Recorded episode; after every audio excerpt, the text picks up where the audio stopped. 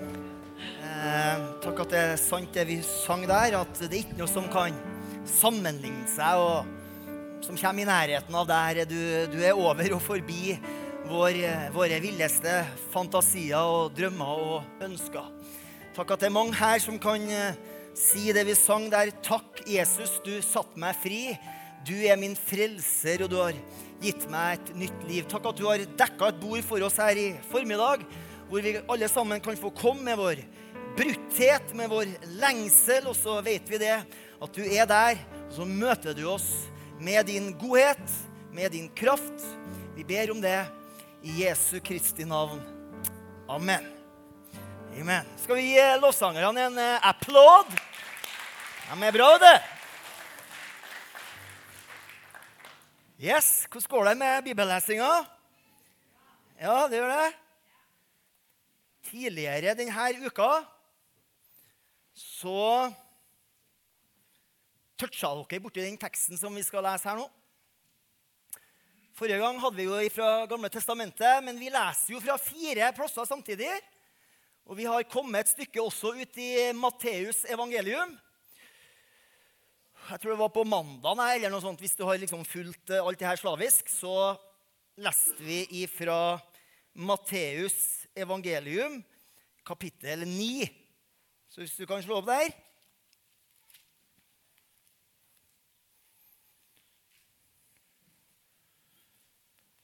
Dette er en ganske kjent historie fra Bibelen. En historie som eh, jeg personlig syns er litt rørende. Så skal vi lese fra Matteus 9 og vers 18. Og Der står det sånn Mens han talte alt dette til dem Se, da kom en forstander og kastet seg ned for ham og sa Min datter er nettopp død, men kom og legg hånda di på, og hun skal leve. Da sto Jesus opp og fulgte ham og det samme gjorde disiplene. Og se, en kvinne som hadde hatt blødninger i tolv år, kom bakfra og rørte ved kanten av klærne hans. For hun sa til seg selv, 'Hvis jeg bare kan få røre ved klærne hans, så skal jeg bli helbreda.' Jesus snudde seg, og da han så henne, sa han, 'Vær frimodig, datter. Din tro har frelst deg.' Og kvinnen ble frisk fra samme øyeblikk. Da Jesus kom til forstanderens hus og så fløytespillerne og den støyende mengden, sa han til dem, 'Gjør plass, for piken er ikke død. Hun sover.' Og de bare lo av ham. Men da folkemengden var sendt utenfor, gikk han inn og tok henne ved hånden, og piken sto opp. Nyheten om dette spredte seg utover i hele landområdet der. Slik lyder Herrens ord. Okay? Eh, her møter vi da to helt forskjellige mennesker. En person han er høyt respektert i samfunnet. Det er han herre synagogeforstanderen. Den andre personen, denne dama, hun var utstøtt. Så her møter vi en person som er velkommen liksom, overalt hvor han, eh, hvor den kom og dukka opp. Mens den andre personen hun ble unngått overalt hvor hun var. Helt forskjellige mennesker, men så krysses liksom livene deres i denne storyen. da. Livene deres krysses i det jeg du kan kalle for dødsskyggens dal. Og Det, det jeg har tenkt eh, å kalle det her tro i dødsskyggens dal. Hun hadde vært i den dalen leser vi her, i tolv år. Mens han hadde nettopp havna der, kanskje bare for noen timer siden, når hans tolvårige datter dør. Men begge toene da, møter han som med sin medfølelse og sin autoritet kan gjøre skyggen om til, til en ny dag. Og jeg tror at vi, jeg og du, Når vi leser sånne historier som dette, for det er jo en del av dem i Bibelen, så skapes en blanding av følelser og respons i oss. Jeg håper at det skaper håp. Yes. Håp om at ordene død eller uhelbredelig ikke er de siste ordene. Så det er det første en sånn historie skal skape i oss. Håp. Men så kan det også skape i oss en slags tanke om at eh, det her er for bra til å være sant. Her møter vi menneskets brutte tilstand på det mest ekstreme og det mest desperate. Og så møter vi Jesus, han som vi sang om her, kalles for Immanuel, Gud med oss, som møter det dette ekstreme og det desperate. Og så blir håp gjenfødt. Men så er det noe med oss at vi våger kanskje ikke liksom å åpne fullt og helt opp for det her håpet. Fordi vi er redd for at det ikke skal oppfylles i oss. Det høres litt for godt ut til å være sant. Så det kan være en blanding av respons hos oss når vi leser en sånn historie. I dag tenkte jeg at vi skulle se på det vi har lest her, fra to ulike perspektiv. For det, det første perspektivet er at vi skal se på Jesus. Hvordan han relaterer til de to her veldig forskjellige menneskene. Det andre perspektivet er at vi skal se på hvordan de her to veldig forskjellige menneskene relaterer til Jesus. Okay? Så her går det begge veiene. Så vi skal, vi skal se på Jesus i dødsskyggens dal, hvordan han oppfører seg. Og så skal vi se på liksom, dynamikken i menneskets tro i dødsskyggens dal. For vi havner der av og til, alle sammen. skjønner du?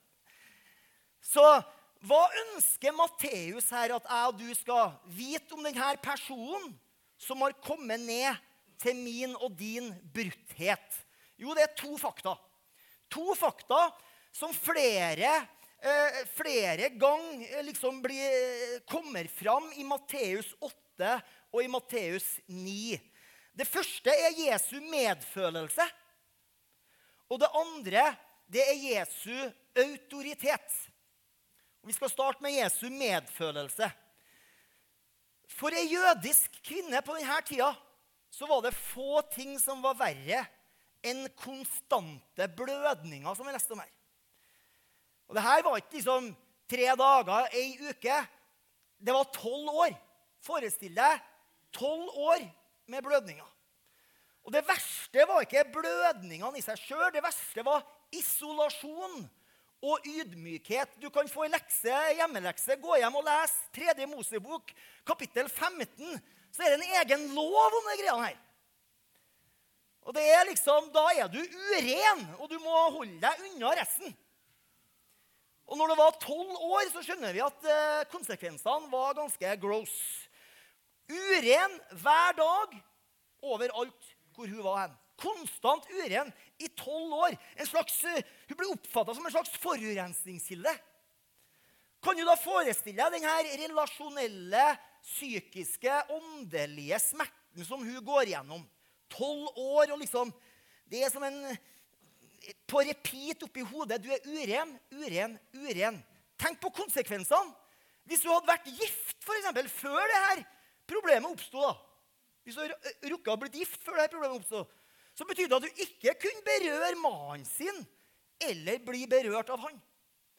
Hvis du hadde fått et barn før det her problemet oppsto, så betydde det at hun ikke kunne berøre barnet sitt eller å bli rørt av dem. Hvordan liv er det? Det er ikke noe liv.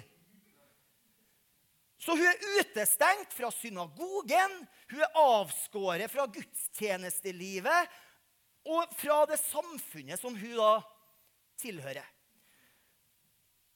Og de fleste i dette samfunnet kjente nok til tilstanden hennes, så de holdt seg da godt på avstand. For det gjør vi jo med folk som vi ikke liker. Så det forklarer kanskje hvorfor hun da sneik seg inn bakfra i folkemengden og rørte ved klærne hans. Hun trodde kanskje at hvis hun, hun tok direkte kontakt med Jesus, så ville også han ha avvist henne. Ok, Hun rører ved Jesus, så leser vi Jesus snur seg. Og Jeg prøver liksom å leve meg litt inn i hva forventa hun å høre. Kanskje hun tenkte at det som kom, var kvinnemenneske. Hva er det du holder på med? Hva er det du gjør? Nå, du, du har jo besmitta alle du har skubba borti her nå. Du har besmitta meg. Nå kan ikke jeg utføre tjenesten min. Det kommer ikke fra Jesus i hele tatt. Hva er det første ordet som kommer ut fra Jesu munn? Det er datter, vær frimodig. Og Det er ikke sikkert du husker mer av det Jesus sier, for ingenting var bedre å få høre enn datter. Tolv år med isolasjon og ydmykelse, og så kaller Jesus henne for datter. Det er flott, vet du. Tolv år atskilt fra familien, og så kaller Jesus henne for datter. Tolv år utstøtt fra samfunnet. Jesus kaller henne for datter. Han ser ikke på henne som uren. Han kaller henne datter, mens hun fremdeles rent sånn etter loven er uren. Han kaller henne inn i familien og kaller henne datter før hun er ren. Det er flott, vet du. Det er medfølelse. Ok. Og Så skal vi se litt på medfølelsen til Jesus i forhold til han herre synagogeforstanderen. Denne historien står også andre plasser i Bibelen, både i Markus og i, i Lukas. I Markus så leser vi at han eh, fyren her han heter for Jairus. Og han er synagogeforstander. Det blir på en samme måte at han er på en måte senior pastor, administrativ leder, møteleder i, i, i, i samme person. Og han er valgt til denne oppgaven av samfunnet rundt denne synagogen. Han peker ut skriftleserne, dem som skal be, hvem som skal si noe osv. Han er på en måte en del av den religiøse eliten, fiffen. Så det var så det er stor sannsynlighet at Jairus var veldig klar over denne økende motstanden mot Jesus fra den religiøse eliten som holdt på å bygge seg opp nå i, i, i de her kapitlene. Det er også veldig sannsynlig at Jairus var til stede i det huset hvor Jesus sa til den lamme mannen som kom gjennom taket, 'Dine synder er deg tilgitt', for det skjedde ganske rett før her. I Lukas sin versjon av den storyen så står det at det huset var fylt opp av fariseere og skriftlærde som var kommet fra hver eneste by i Galilea, Judea og Jerusalem. Så det er også ganske sannsynlig at Jairus var i det huset. Så derfor er det sannsynlig at Jairus var en av dem som i det huset anklaga Jesus for blasfemi. Mm -hmm. Og på det tidspunktet så hadde den religiøse eliten begynt å planlegge om å eliminerer han Jesus her. Han ble et problem for dem. Så det er mulig at også Jairus var involvert i de her planene. Men så dør dattera hans. Ja? Og da er det en mekanisme som liksom kicker inn hos oss mennesker. Det er merkelig hvordan livets forutsetninger og våre følelser forandres når livets virkelighet treffer oss, når vi plutselig våkner opp i dødsskyggens dal, da er det på en måte andre ting som blir viktig. Så ut fra et stort behov så søker han nå Han som han kanskje før mente hadde begått blasfemi. Og så bøyer han seg ned for han. For han som har begått blasfemi. Så sier han, 'Min datter har nettopp dødd.' Hvis du legger din hånd på, så skal hun leve. Og hvordan er da Jesu respons?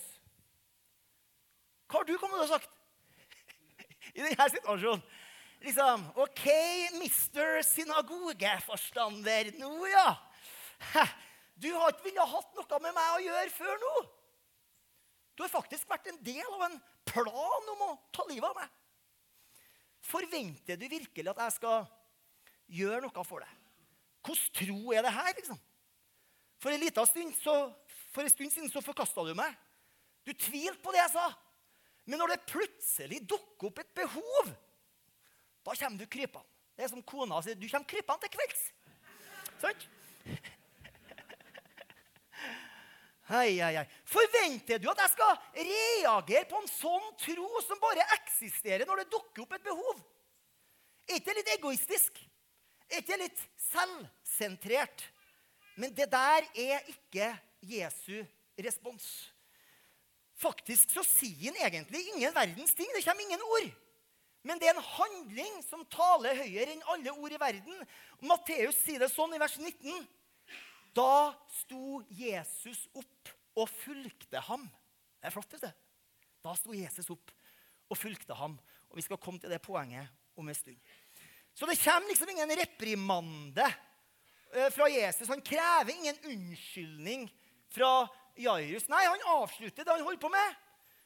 Og så følger han Jairus hjem. Det er medfølelse. Du skjønner, Det handler ikke om hvordan du kommer, eller hva du har gjort eller ikke gjort.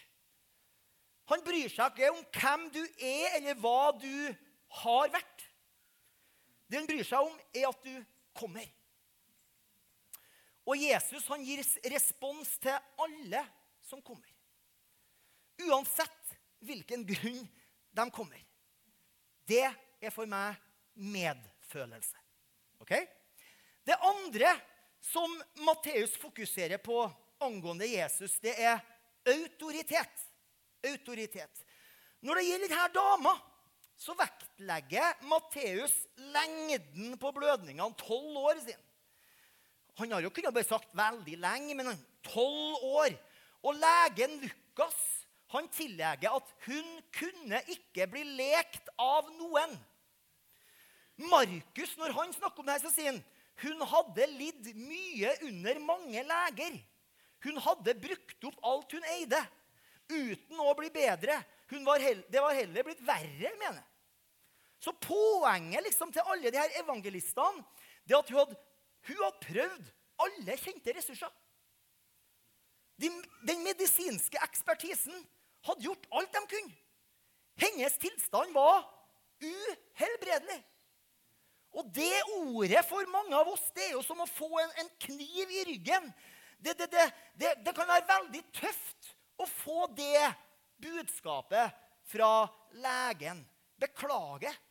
Det er ingenting vi kan gjøre. Jo, men det må være noe mer dere kan gjøre. Beklager. Vi har ikke den teknologien ennå.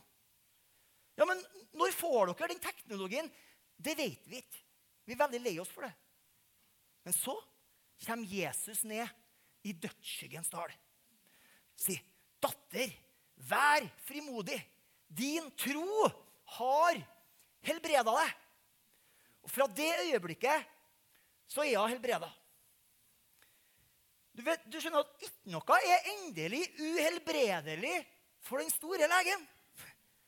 Tolv år med tragedie ble umiddelbart snudd om når tro berørte han som er herre, og som har kommet for å gjenskape en brutt og ødelagt verden. Og Vi har sikkert alle mange spørsmål når vi sitter her nå, hvor, når det gjelder sykdom og helbredelse. Og, og, og, jeg skal ikke prøve å svare på dem nå. Uh, men det Matteus ønsker at vi skal se, det at Jesus han kan gjøre det som leger og medisinsk ekspertise ikke kan gjøre. Og som de kanskje aldri vil være i stand til å gjøre. Ok, La oss se på Jesu autoritet når det gjelder Jairus. I den storyen blir det jo ganske dramatisk. Han går med ham til huset. Og når vi eh, kommer til huset, der er det ganske intenst. Det er fløytespillere, og det er gråtekoner, og det er jammer. Og Jesus beordrer dem ut av huset. Så sier han, 'Gjør plass! Piken er ikke død. Hun sover.' Og da står det at folk flirer. Og det er mulig de fremdeles gjør det. Og kanskje du tenker, hva mener Jesus når, når han sier at hun er ikke død, hun sover? For, for, hun er jo død. Og Han sier også det samme med, i, i, i, forbindelse med denne storyen om Lasarus. Han sover, han òg. Og da er det jo noen da, snusfornuftige som eh, tror at Nei, jenta var ikke død. Hun hadde gått inn i en slags tilstand av koma. Og så, så hun hadde blitt feilaktig diagno, diagnostisert som død. Og Noen sier at i disse områdene pga. varmen da, så kunne man jo av ulike årsaker gå inn i en slags koma. Og Pga. at de var veldig kjappe med å grevlegge folk etter at de døde, og pga. denne komatilstanden, så var det store sjanser for at man kunne grevlegge folk levende. Så Det fins folk som tror at det vi leser om her, ikke et guddommelig mirakel, men det er mer en guddommelig diagnostisering. At eh, Nei, hun er ikke det. Hun, hun sover. Og at Jesus ble med Jairus så fort da, nettopp for å unngå at jenta ble gravlagt levende. Jeg tror og det er faktisk arkeologer òg som har funnet en del graver hvor folk har blitt gravlagt levende. Det finnes, det. Litt sånn ekkelt, da. Jeg tror at hvis det hadde vært tilfellet, så hadde Jesus opptrådt på en helt annen måte. Da hadde han ønska at folkemengden skulle være i huset, så at han kunne korrigere dem og vise dem hvordan, hvordan de skal se forskjell på en som er i koma og en som er død. Ikke sant? Når jeg leser Matteus og Lukas og Markus, så synes det for meg ganske tydelig at de tror at jenta er død. Legen, Lukas er lege. Og Det samme gjelder Johannes når han skriver om Lasarus som søv. Han hadde ligget i graven i flere dager, og han stinker allerede. Det er en spesiell komatilstand. Så hvorfor sier Jesus at han søv? Går an å sikkert å drodle mye rundt det. Men det er, en, det er en gammel teolog som har sagt det ganske fint. Synes jeg. Han sier sånn Hvis Jesus sier at den lille jenta sover,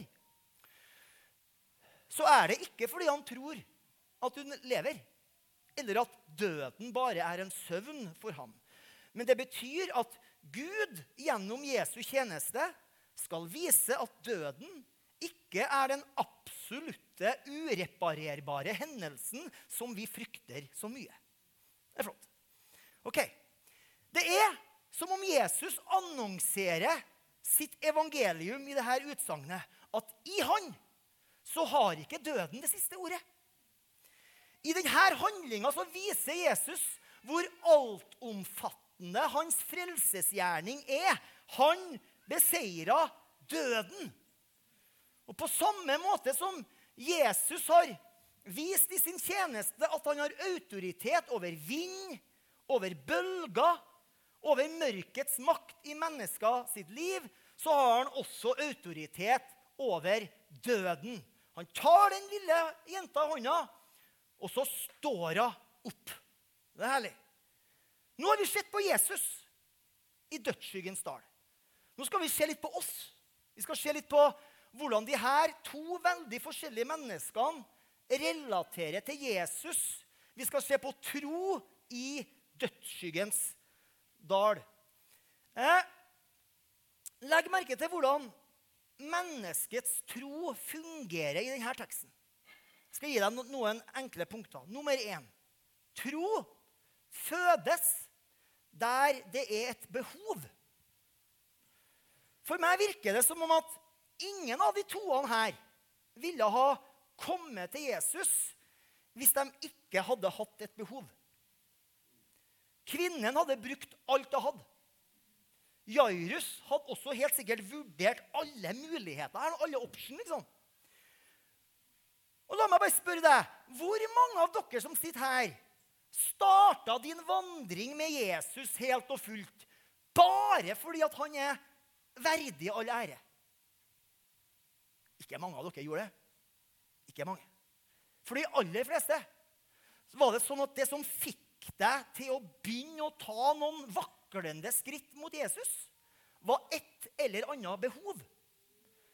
Du, du mangla noe.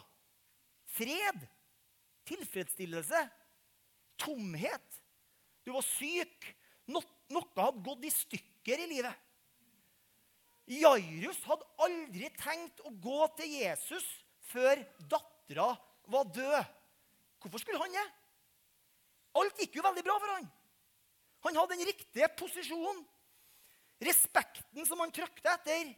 Og I tillegg så var jo undervisninga til Jesus fryktelig utfordrende for sånne som han. Så hvorfor skulle han oppsøke en som ville utfordre hele hans verdensbilde? Men så, men så raser plutselig verden sammen. Dattera dør. Og siden hun betyr mer enn tolkninga av loven og hans status i samfunnet, så beveges han i retning av han, av Jesus. Han beveges i en retning som han ellers ikke ville ha tatt. Før eller siden så kommer vi alle til det punktet hvor ikke noe annet fungerer. Som leder oss da til neste sannhet om tro, som er punkt to. to. Troen skapes ved å høre om Jesus. Du skjønner, et behov genererer bare et søk. Ikke sant? Et behov genererer bare et søk. Det å høre om Frelseren leder søket i en bestemt retning. Det kan hende at hun dama hadde hørt at Jesus behandla kvinner annerledes enn andre menn. Jairus, som synagogeforstander, han hadde hørt at, at Jesus hevda de mest utrolige ting om seg sjøl. Det de hørte, matcha med behovet.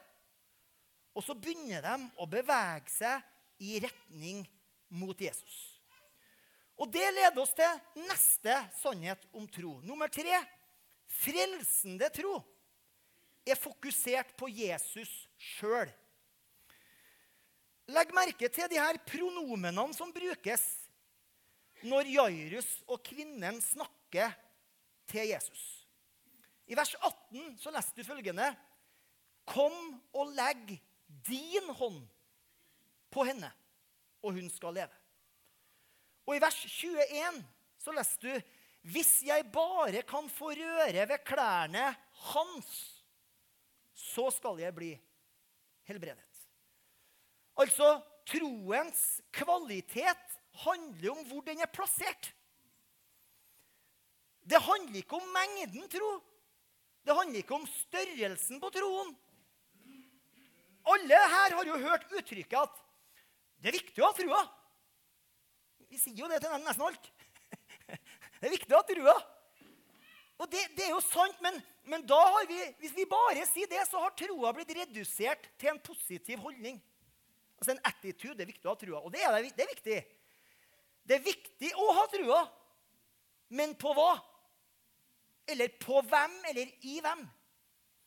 En persons tro kan jo i utgangspunktet være fullstendig irrelevant. Og det er jo nettopp det som kanskje er vår tids største tragedie. Majoriteten av menneskeheten retter sin tro mot makt, mot politiske system, mot ulike ideologier som ikke er i stand til å løse utfordringene våre.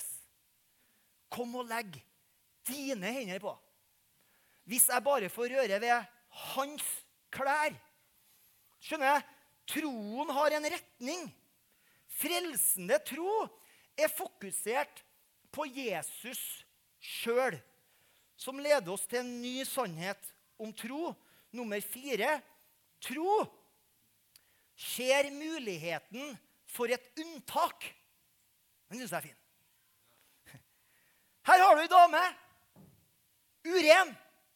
Men hvis jeg får røre ved hans klær Jairus sier, 'Min datter er død, men hvis du kommer og legger din hånd på så skal hun få leve.' Altså uren, men. Død, men. Men hvis du Du skjønner, Troen møter den harde, brutale virkeligheten i vår situasjon. Troen lukker ikke øya for virkeligheten.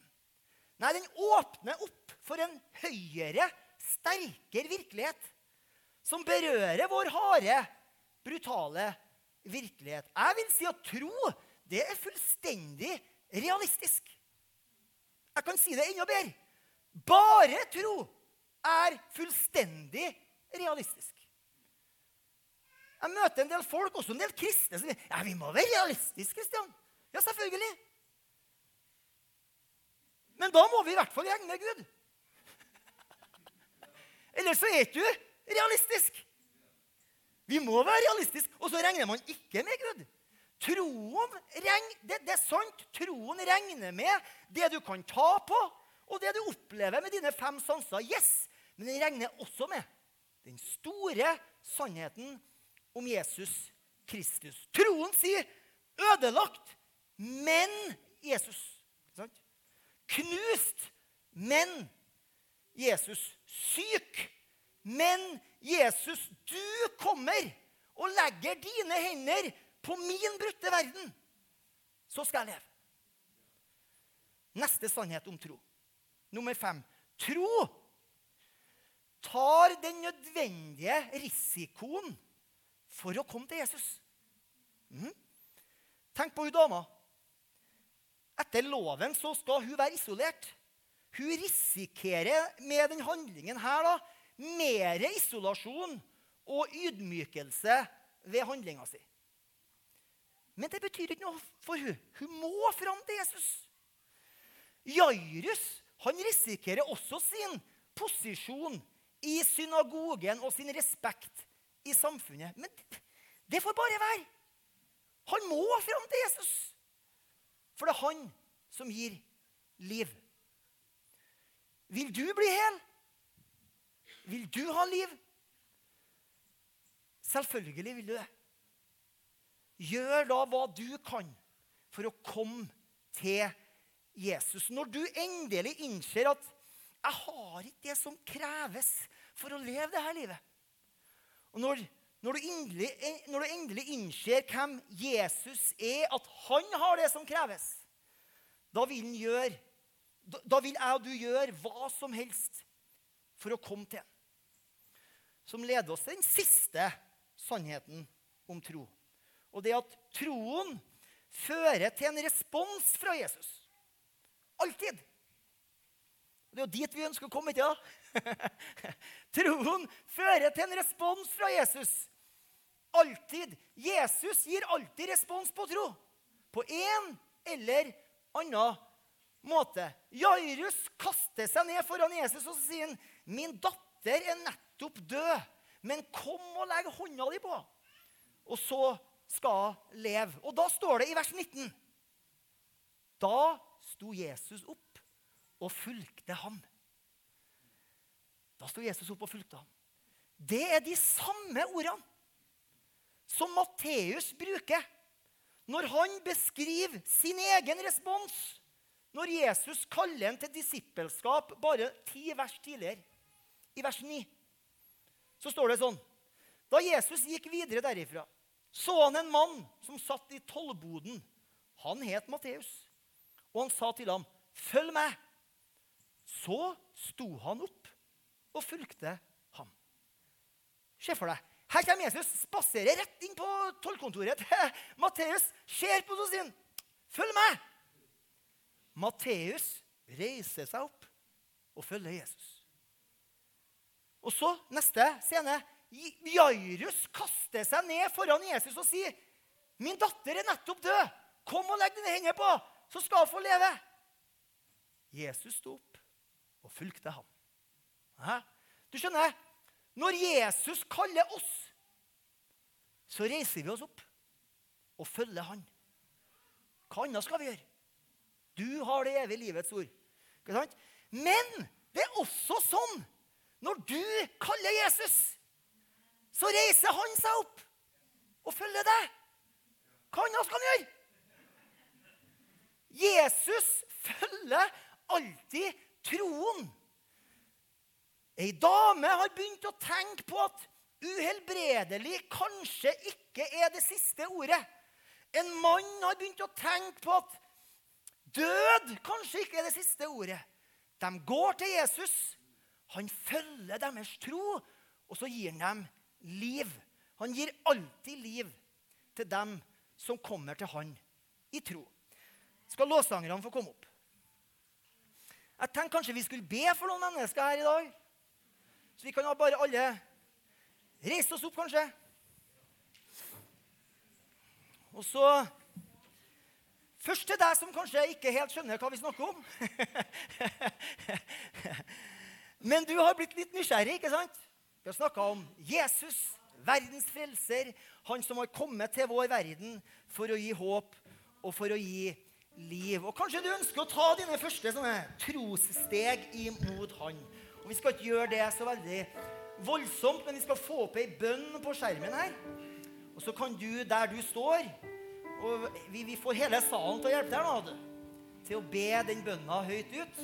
Det er det første steget du tar. Kanskje du definerer deg som en søker. Kanskje du kjenner at du har et behov. Ja, la det behovet hjelpe deg til å ta det her første steget. Skal vi be denne bønna sammen. Takk, Jesus, for dagen i dag. Jeg ønsker at du skal fylle mitt liv med din fred. Du tar imot meg, og jeg ønsker relasjon med deg. Amen. Hvis du ba den bønna for aller første gang, så bruker vi å gi deg tre enkle tips, tre enkle råd, som er da liksom de neste stegene. Og det første er at du sier det til noen. Kom og si det til noen av oss eller noen andre du har tillit til. Det andre er å lese i Bibelen din, få tak i en bibel. Begynn gjerne i Nye testamentet. Litt enklere det, kanskje.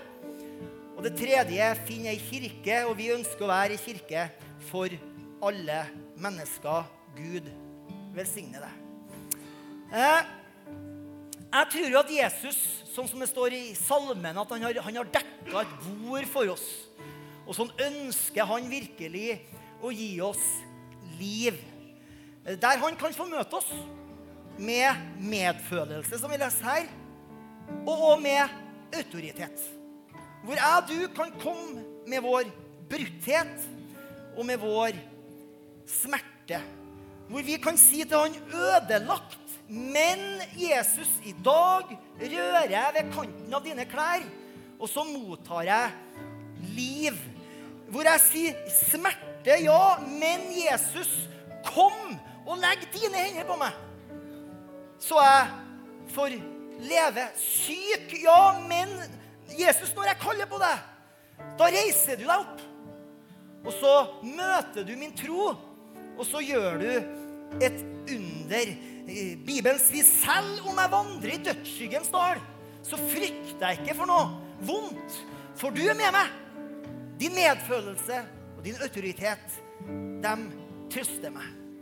Hvis du ønsker forbønn, så er det bare å komme og still deg her, så skal vi be for deg en liten stund her nå mens eh, låtsangerne tar oss med i, i, litt sang her. Vi bruker noen minutter på det. Går det bra, det? Yes. Vær frimodig, så er vi flere her som er med og ber for deg. Hei, og takk for at du har sett på eh, en tale fra Betel Trondheim. Nå kanskje du sitter igjen med spørsmål og et behov for å snakke med noen. Da er du hjertelig velkommen til å ta kontakt med oss. Du er også hjertelig velkommen til å komme og ta del av gudstjenestene vår, eller det som skjer i ungdomsarbeidet eh, i kirka vår. Jeg tenkte at jeg hadde lyst til å avslutte med å lyse Herrens velsignelse, så vær så god, ta imot. Herren velsigne det og bevare det. Herren la sitt ansikt lyse over det og være det nådig. Herren løfte sitt åsyn på det og gi det fred.